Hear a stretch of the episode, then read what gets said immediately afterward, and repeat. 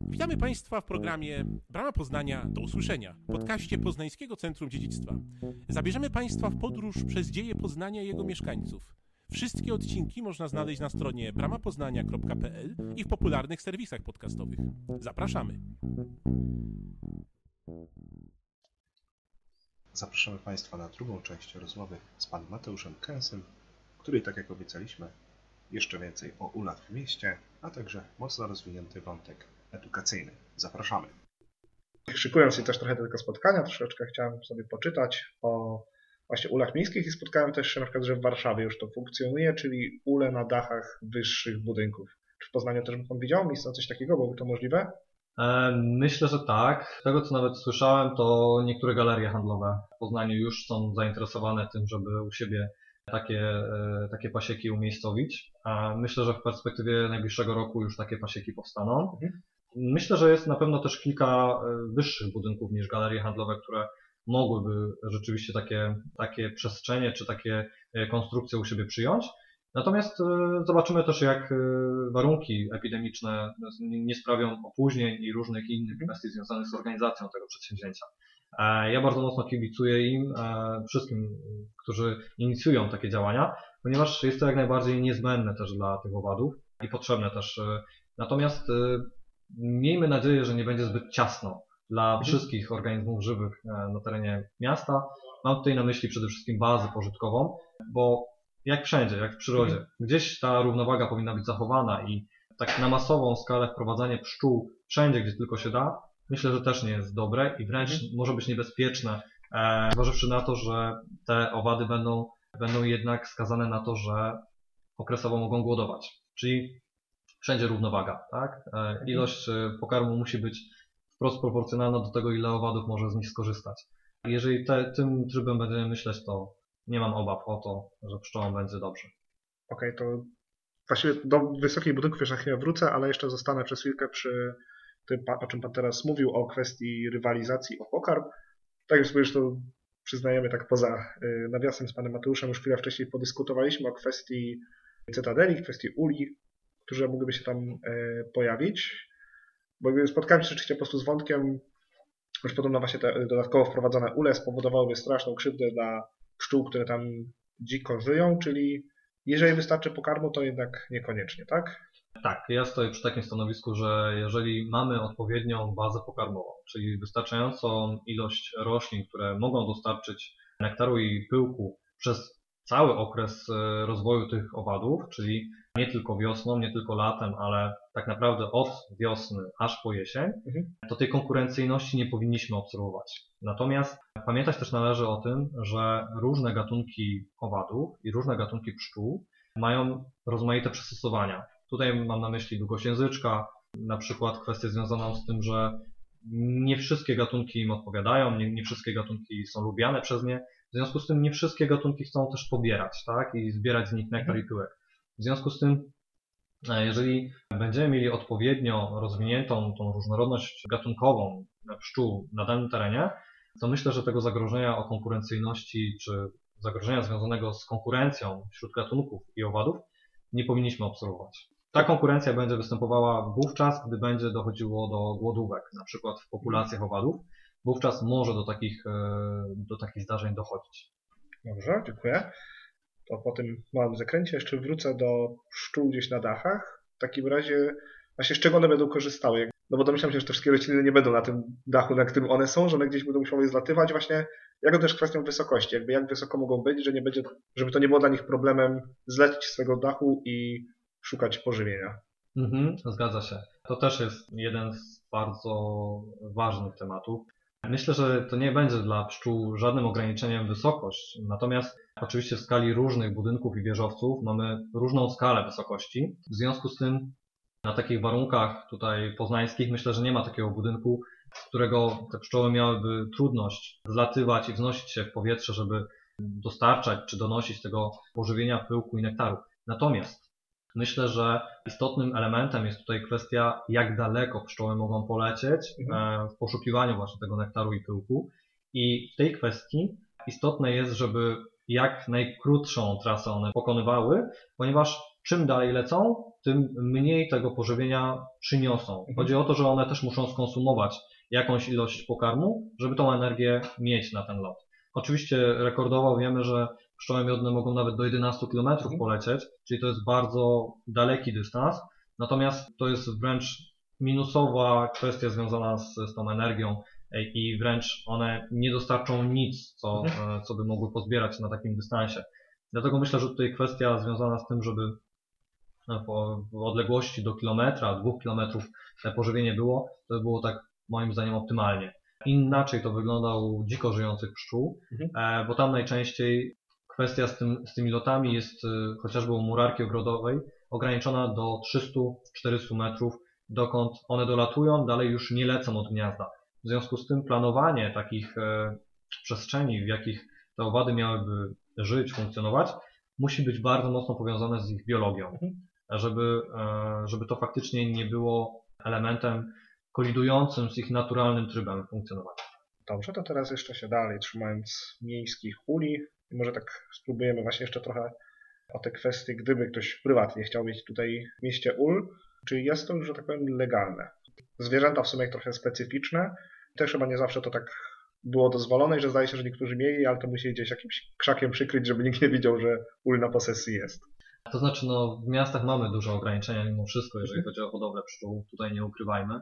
Najłatwiej w sumie jest na budynkach, bo wówczas mamy kilka różnych e, wątków ominiętych, które by nas dotyczyły, gdybyśmy stawiali je na ziemi. Przede wszystkim od, odgrodzenie od sąsiadów, przede wszystkim e, stworzenie bezpiecznych warunków od przechodniów, dróg i chodników i to są istotne kwestie. Jakieś bufor to- odległości, tak? Tak, tak, tak. To są takie kwestie związane z jakby zabezpieczeniem tej przestrzeni, kiedy mogą nas zaatakować pszczoły w zakresie obronności ula. Ile Tak? to mniej więcej wynosiło? Najczęściej mówi się o tym, że to jest 10 metrów od ula, gdzie powinniśmy tworzyć y, ogrodzenie, albo Mhm. może to być na przykład żywopłot, który powinien być na wysokość około 3 metrów posadowiony e, czy stworzony i w ten sposób no, zmniejsza się to ryzyko zaatakowania przez pszczoły strażniczki, czyli przez te pszczoły, które chronią e, resztę roju, resztę pszczół umiejscowionych w ulu. Natomiast e, kwestia związana z samym umiejscowieniem i tym, że ktoś e, z zewnątrz chciałby tutaj rzeczywiście w Poznaniu czy w mieście mieć taką przestrzeń e, z ulami, no jest rzeczywiście problemowa, ponieważ w miastach mamy do czynienia z przeludnieniem mimo wszystko, z deficytem często takich miejsc, gdzie, gdzie tym pszczołom można by było stworzyć takie mm, dobre warunki do egzystencji i funkcjonowania. I myślę, że takim najlepszym rozwiązaniem na coś takiego mogą być mimo wszystko tereny podmiejskie, gdzie jest łatwiej czy chociażby kupić, wynająć, wydzierżawić taką e, działkę, na której można by było taką pasiekę umiejscowić.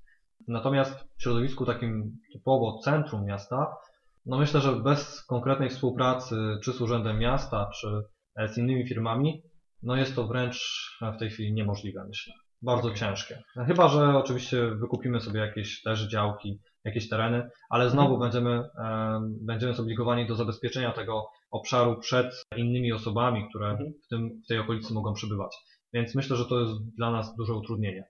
Myślę, że dobrym i godnym polecenia jest wyjście poza centrum miasta. To zakładamy już, że tak, że ktoś gdzieś powiedzmy gdzieś tu Swarzyn, czy gdzieś między Poznaniem Swarzędzem faktycznie dom, ogródek ma, ma miejsce, żeby sobie pasiekę postawić. No i zakładamy teraz, że jest takim hobbystą, który sobie by chciał, tak jak ktoś ma właśnie w ogródku warzywa, taką chce mieć dla siebie pszczoły i z nich korzystać. Ile na przykład mniej więcej tak tych uli musiało być, że mu się tak płaciło, że rzeczywiście sobie na przykład zbierze miód i jakoś tam przez rok będzie z nim funkcjonował. I powiedzmy, że nie będzie za dużo rozdawał rodzinie.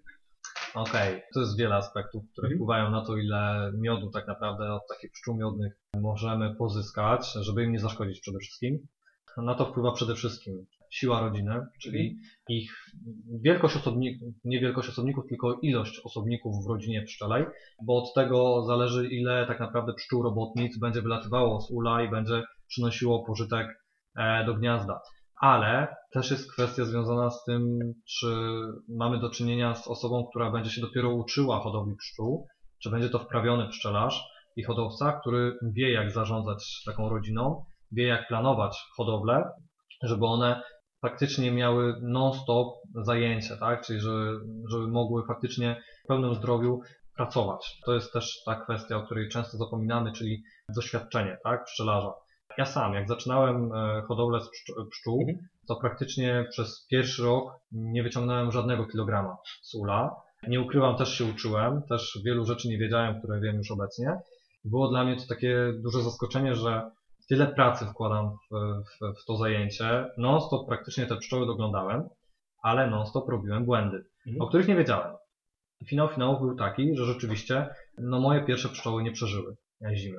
Ale to było związane przede wszystkim z tym, że bardzo mało zapasu pokarmu im dałem, zbyt rzadko je dokarmiałem i zbyt późno w ogóle pomyślałem o tym, że te pszczoły trzeba dokarmić na zimę, że jednak ta ilość pokarmu w otoczeniu jest dla nich niewystarczająca. O tym też mamy często małe, e, małe pojęcie.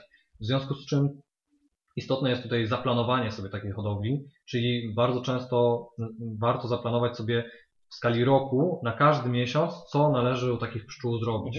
I dopiero w momencie, gdy wiemy, jak takimi pszczołami zarządzać i jak im pomagać, to dopiero warto się zabrać za hodowlę, czyli wprowadzenie pszczół do ula i, e, no i też podglądanie ich regularnie, bo w momencie, gdy jest e, w okolicy dużo pożytku, czyli dużo roślin kwitnie, to powinniśmy co tydzień tak naprawdę e, zaglądać do, e, do takiej rodziny, do ula, no i dopiero wtedy będzie można zaobserwować, jak ona się rozwija, tak? Czy wszystko z matką jest ok, czyli z królową, czy z robotnicami też wszystko ok.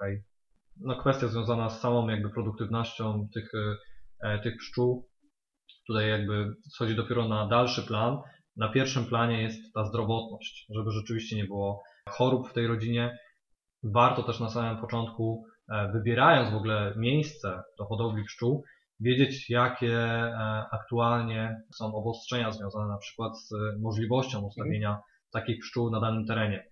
Mam tutaj na myśli przede wszystkim e, ograniczenia związane z rozwojem chociażby zgnilca amerykańskiego, czyli takiej choroby, która cały czas w Polsce jest zwalczana z urzędu. Czyli jest to choroba, na którą w Polsce nie ma mm, skutecznego rozwiązania e, i jeżeli faktycznie dojdzie do tak naprawdę zakażenia rodzin pszczelich, no to jest nakazywana wręcz likwida- likwidacja tych e, rodzin. Dlatego też dla pszczelarzy jest to praktycznie bardzo duża strata, bo oni w momencie, gdy zostanie zdiagnozowana taka choroba u nich w pasiece, to niezależnie czy mają jeden ul, czy mają 100 uli, muszą zlikwidować tą hodowlę.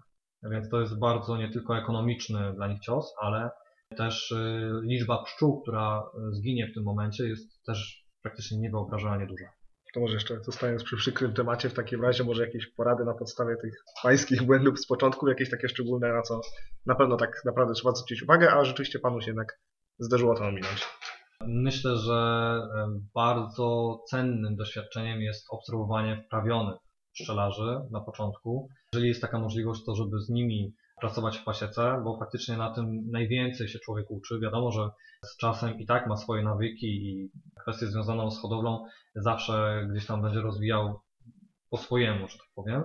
Natomiast istotne tutaj z punktu widzenia takiego początkującego pszczelarza może być kwestia związana z tym, żeby przede wszystkim kupić czy przyjąć pszczoły ze sprawdzonego też źródła. Chodzi o całe jakby roje, tak? Starajmy się kupować z takich miejsc, które mają bardzo dobrą opinię w środowisku pszczelarskim, a nawet jeżeli to jest kwestia rzędu nawet 100 zł więcej za rodzinę pszczelą, to moim zdaniem często warto e, te 100 zł więcej dołożyć, aniżeli otrzymać czy kupić pszczoły już na przykład z jakimiś pasożytami, z chorobą. Nie mówię tutaj o warozie, bo waroza też jest taką chorobą, którą non-stop praktycznie się przenosi nawet z ula do ula i pszczoły no, nie są wolne od warozy w tej chwili u nas w Polsce i z nią walczymy bardzo mocno, ale szczególnie tutaj mam na uwadze te bardziej poważne choroby, czyli zgnilec amerykański czy kiślica. Albo nie idzie ich zwalczyć, albo ciężko się je zwalcza, więc y, ta kwestia świadomości y, na ten temat jest bardzo ważna. Dobrze, a mówił już Pan też trochę tutaj o czasie. No właśnie, jeżeli ktoś się już zdecyduje, już naprawdę się przygotował, już wie jakich błędów nie popełnić, to właśnie jak z czasem będzie musiał wydać, czy na przykład będzie nadal w stanie sobie normalnie być aktywny zawodowo i właśnie w jakimś tam okresie zaglądać do ula, jak to będzie? Tak, e, na początku oczywiście, jeżeli mamy 1, 2, 3, 5 uli, to bez problemu możemy to połączyć z naszymi obowiązkami. Ja z doświadczenia wiem, że nawet weekendowo jestem w stanie w takich e, warunkach doglądać pszczół i, i faktycznie jest to możliwe, bez uszczerbku na, na zdrowotności tych pszczół. najczęściej. Natomiast jeżeli mówimy tutaj o pasiece, która miałaby na przykład 30, 50 czy 80 uli i tym samym rodzin pszczelich, no to zaczynają się nam e, kłopoty, e, ponieważ e, pszczoły jednak są zwierzętami hodowlanymi. Potrzebujemy do nich też mieć więcej czasu. Można oczywiście by było tutaj wyliczać, ile na jedną rodzinę potrzeba by było poświęcać czasu tygodniowo, ale myślę, że to i tak przełożeniu na daną osobę jest bardzo różne. Myślę, że przy założeniu, że mielibyśmy kilka uli początkowo, to jest to bez problemu do połączenia z różnymi obowiązkami, czy rodzinnymi, czy zawodowymi. Ale też znam takie osoby i takich pszczelarzy, którzy mają na przykład 90 czy 100 uli i tylko na przykład z tego żyją. Jest to możliwe jak najbardziej.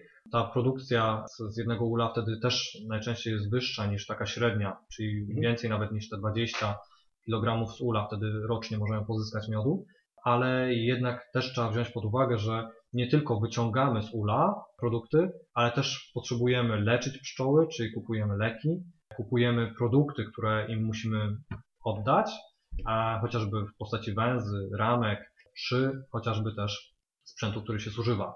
No i pokarmu na zimę, tak? Czyli mhm. najczęściej są to syropy cukrowe, które też musimy jednak im dać, żeby to, że zabieramy im e, miód, było czymś wyrównane, mhm. tak? Żeby one faktycznie mogły też odżywić, e, odżywić się i swoje rodziny. Jasne. Przed programem zaczęliśmy nagrywać, obiecaliśmy sobie też kwestie edukacyjne różne tutaj poruszyć, więc myślę, że teraz ich stronę z kolei sobie skręcę. I na początek właśnie teraz mówił Pan o odbieraniu też produktów pszczołom, no oczywiście te podstawowe, które wszyscy znamy, czyli miód, znamy też wosk, ale myślę, że też takim może trochę mniej znanym ludziom i też chyba troszeczkę różne mity na ten temat słyszałem, pierzga jak to z nią jest, czy faktycznie opłaca nam się z niej korzystać, a jeśli tak, to co możemy z niej, jak możemy z niej skorzystać? Moim zdaniem ze wszystkich produktów pszczelich, do których, do których mamy dostęp, albo które są często teraz w miodach e, łączone nawet i sprzedawane, mhm. no warto z tego korzystać. Każdy z produktów pszczelich ma dla nas e, jakiekolwiek, myślę, prozdrowotne znaczenie. Natomiast tutaj pierzga jest takim produktem, który mm, w sumie może jest mniej znany i na pewno jest mniej znany mhm. niż miód czy wosk, ale myślę, że z punktu widzenia też zdrowotnego warto urozmaicać sobie dietę o rozmaite produkty pszczele. Mhm. Czyli nie tylko stawiajmy na miody, nie tylko na miody odmianowe e, i wielokwiatowe, ale też e, możemy faktycznie wyjść tutaj naprzeciw e, takim produktom, żeby łączyć swoje, swoją dietę czy swoje podejście do artykułów spożywczych, o na przykład propolis, mhm. o na przykład pierzgę, ponieważ y, myślę, że jest to dla nas cenny składnik, jeżeli chodzi też o dostarczane do nas składniki odżywcze, tak? A druga kwestia, może też zwiększać naszą odporność na mhm. różnego rodzaju dolegliwości, ale też y, e, związane z y, różnymi porami roku, chociażby przeziębienia. Tutaj też z doświadczenia wiem, że prawieni pszczelarze mają też taki zwyczaj, że dzień przy dniu stosują na przykład jedną łyżkę czy jedną łyżeczkę nawet chociażby miodu, żeby przyjmować i e, mhm. faktycznie bardzo sobie to chwalą, że rzeczywiście są bardziej odporni i e, dla nich jest to bardzo, bardzo dobre i pożyteczne. Myślę, że mm, tutaj jeżeli chodzi o produkty pszczele ogólnie, jeżeli byśmy wprowadzili do naszej diety chociażby jeden albo dwa z produktów tak na stałe, to myślę, że byśmy widzieli e, taką poprawę, jeżeli chodzi o mhm. samopoczucie i, i zdrowotność. Tak, w takim razie, drodzy Państwo, Polecamy produkty od pszczele na wszelkiego rodzaju odporność. I kontynuujemy też wątek edukacyjny. Wiem, że jest taki legendarny cytat, podobno czyli rzekomo Alberta Einsteina o tym, że jeśli wymrą pszczoły, to po czterech latach nas nie będzie. Wiem, że już sprawdzano, że raczej niekoniecznie kiedykolwiek coś takiego powiedział, że wzięło to się, jeśli dobrze pamiętam, z jakiegoś chyba protestu w ogóle chyba pszczelarzy w Stanach Zjednoczonych, że to ich hasło było ale i tak zastanowię sobie przy nim na chwilkę, czy ono jest rzeczywiście w 100% prawdziwe, bo kiedyś napotkałem też wątek, że trzmiele jednak są też bardzo istotne w kontekście zapylania, a nie tylko te pszczoły, chociaż wiem, że pan teraz tu mnie poprawi też kwestii trzmiel pszczoła, więc oddaję głos z powrotem. E, dokładnie. Tutaj jeżeli chodzi o ten słynny cytat, e, bardzo często on się pojawia i wraca i jeżeli chodzi o kwestię tych czterech lat e, symbolicznych. No myślę, że tutaj kwestia była bardzo e, związana z tym, że jeżeli by tych pszczół zabrakło w środowisku przyrodniczym, to też z automatu zaczęłoby nam e, coraz bardziej ubywać gatunków, które są e, gatunków roślin, które są Mhm. bardzo mocno powiązane z tymi, tym zapylaniem, żeby móc na przykład się rozmnażać czy mm, rozwijać. I tutaj myślę, że na pewno by nam utrudniło życie, jeżeli tych pszczół by nam nie było w naszej okolicy i w naszym środowisku. Natomiast e, e, wiemy chociażby z przykładu chińskiego, gdzie w Chinach brakuje w niektórych miejscach pszczół, że e, zastępowane są, czy zastępowana jest ich praca poprzez ręce ludzkie. Tak? Bardzo często to ludzie pędzelkami już nawet zapylają kwiaty. Spotkałem też się z takimi przykładami, gdzie żeby zwabić owady zapylające z otoczenia, to w momencie, gdy pszczół brakowało, rozwieszano na przykład na drzewach e, owocowych padlinę i wabiono na przykład muchy i wszelakie inne muchówki, które przylatywały zwabione padliną, a miały w zamiarze, e, nie miały w zamiarze, ale przypadkowo też e, oczywiście obsiadywały Mhm. kwiaty, przynosiły w ten sposób komórki pyłków.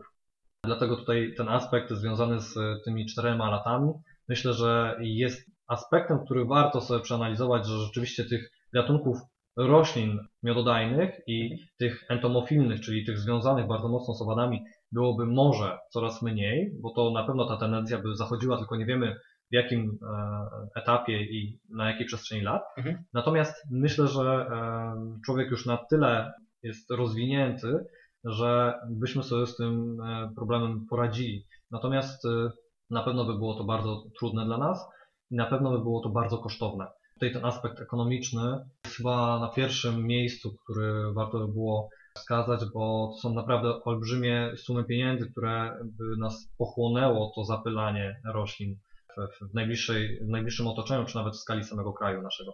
Natomiast jeżeli chodzi o to nazewnictwo, tutaj e, trzmiele rzeczywiście są też pszczołami. Bardzo często mówi się na nie potocznie bąki, co Mhm. zupełnie nie ma nic wspólnego z trzmielami, a z trzmielami, ani z pszczołami. Natomiast istotne jest e, zwrócenie uwagi, że szczególnie osy i szerszenie to nie są pszczoły, ale trzmiele już zaliczamy do pszczół.